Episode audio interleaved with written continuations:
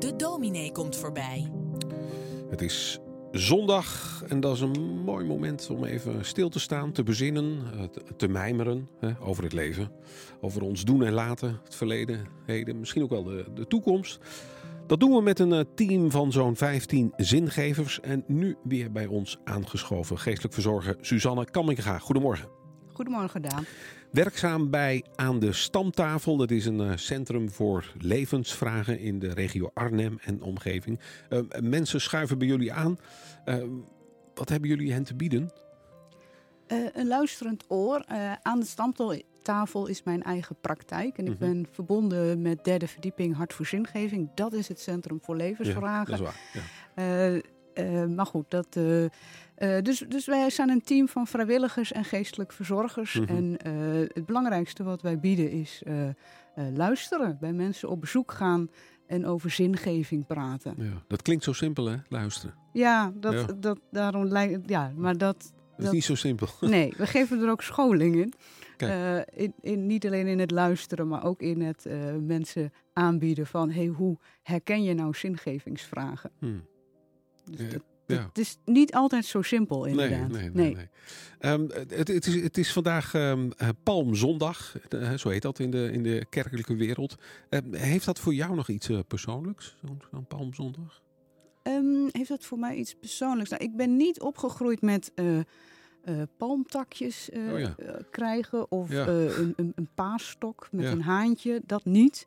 Uh, wat het voor mij wel heeft, is het verhaal van Jezus, de intocht uh, in Jeruzalem op een ezeltje. En mensen die Hosanna zingen. Oh, en ja. uiteindelijk wordt het dan de komende dagen een kruisigem. Mm -hmm. Dus dat, dat heeft ook iets uh, ongrijpbaars, heeft dat altijd ja. iets voor mij. Van Ja. wow, hoe, hoe turbulent kan het leven zijn? Mm. Dat de ene keer mensen je bejubelen en dan weer verguizen. ja.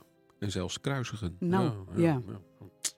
Goed. Um, je, hebt voor uh, vanmorgen het een en ander voorbereid en daar gaan we nu uh, graag naar luisteren. Zeker. Palm, palm, Pasen, ei. Over ene zondag krijgen we een ei. Eén ei is geen ei. Twee ei is een half ei. Drie ei is een paasei. Bij eieren denk ik aan vakantie, strand en mijn moeder. Als wij vroeger naar het strand gingen, dan kookte mijn moeder eieren hardgekookte eieren. Die eieren gingen mee naar het strand. En na het spelen in de zee pelde ik verkleumd en gewikkeld in mijn badlaken een ei. En waar deze traditie vandaan is gekomen, is ons kinderen nog steeds niet duidelijk. Misschien was het een traditie die van moeder op dochter is overgedragen. In ieder geval ging stevast in de strandtas een doosje hardgekookte eieren mee hardgekookte eieren met zout. Vandaag is het Palmpasen. Heel vroeger schijnt er op Palmpasen in de kerk een ritueel te zijn geweest om zout te wijden. En hoe dat precies zat is niet duidelijk. Het was zeker geen algemeen ritueel. Wat wel zeker is, is dat rechters het advies kregen om gewijd zout tijdens de heksenprocessen bij zich te dragen. Misschien om zichzelf te beschermen. Misschien omdat ze dachten dat de heksen dan eerder zouden bekennen. Van de 15e tot en met de 18e eeuw vonden er heksenvervolgingen plaats. Ja, ook in Nederland. En met name vrouwen werden gemarteld omdat ze niet voldeden aan de toenmalige norm. Het leverde 30.000 tot 60.000 slachtoffers op. Daarvan was 80% vrouw. De heksenvervolgingen noem ik ongekend onrecht met een grof, discriminerend karakter. We hebben er niets van geleerd, gezien de kinderopvangtoeslagenaffaire. Ongekend onrecht met een grof, discriminerend karakter kon jarenlang plaatsvinden in de kinderopvangtoeslagenaffaire. In naam van minister-president Rutte is er een excuusbrief naar gedupeerde gezinnen verzonden. Rechters hebben de hand in eigen boezem gestoken en ook gemeenten proberen hierin echt hun verantwoordelijkheid te nemen. En dat zie ik en dat weet ik.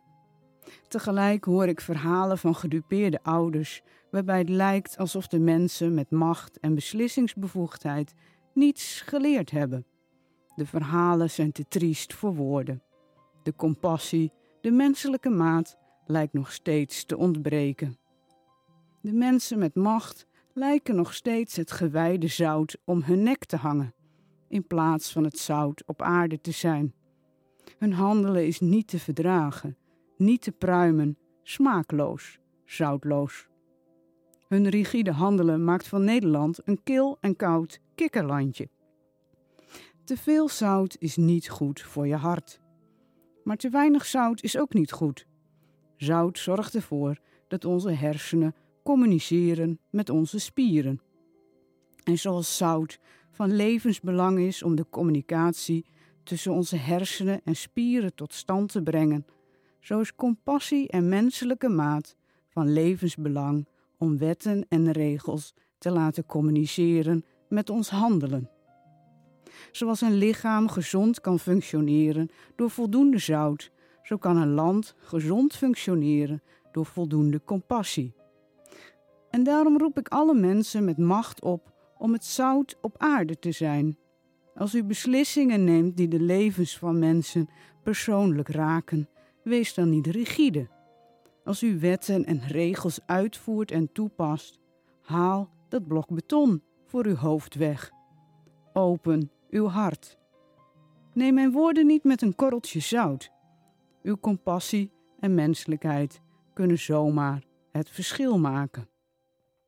En mocht u toch rigide wetten willen toepassen en onrecht doen aan kwetsbare mensen, dan hoop ik dat u zich bewust bent van de drievoudige wet.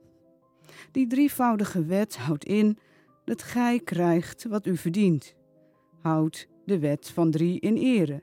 Wat gij zendt, zal drie keer wederkeren. De les die u dient te zien. Palm, palm, Pasen, ei, koer, ei. Over ene zondag krijgen we een ei. Eén ei is geen ei. Twee ei is een half ei. Drie ei is een paasei. Met zout.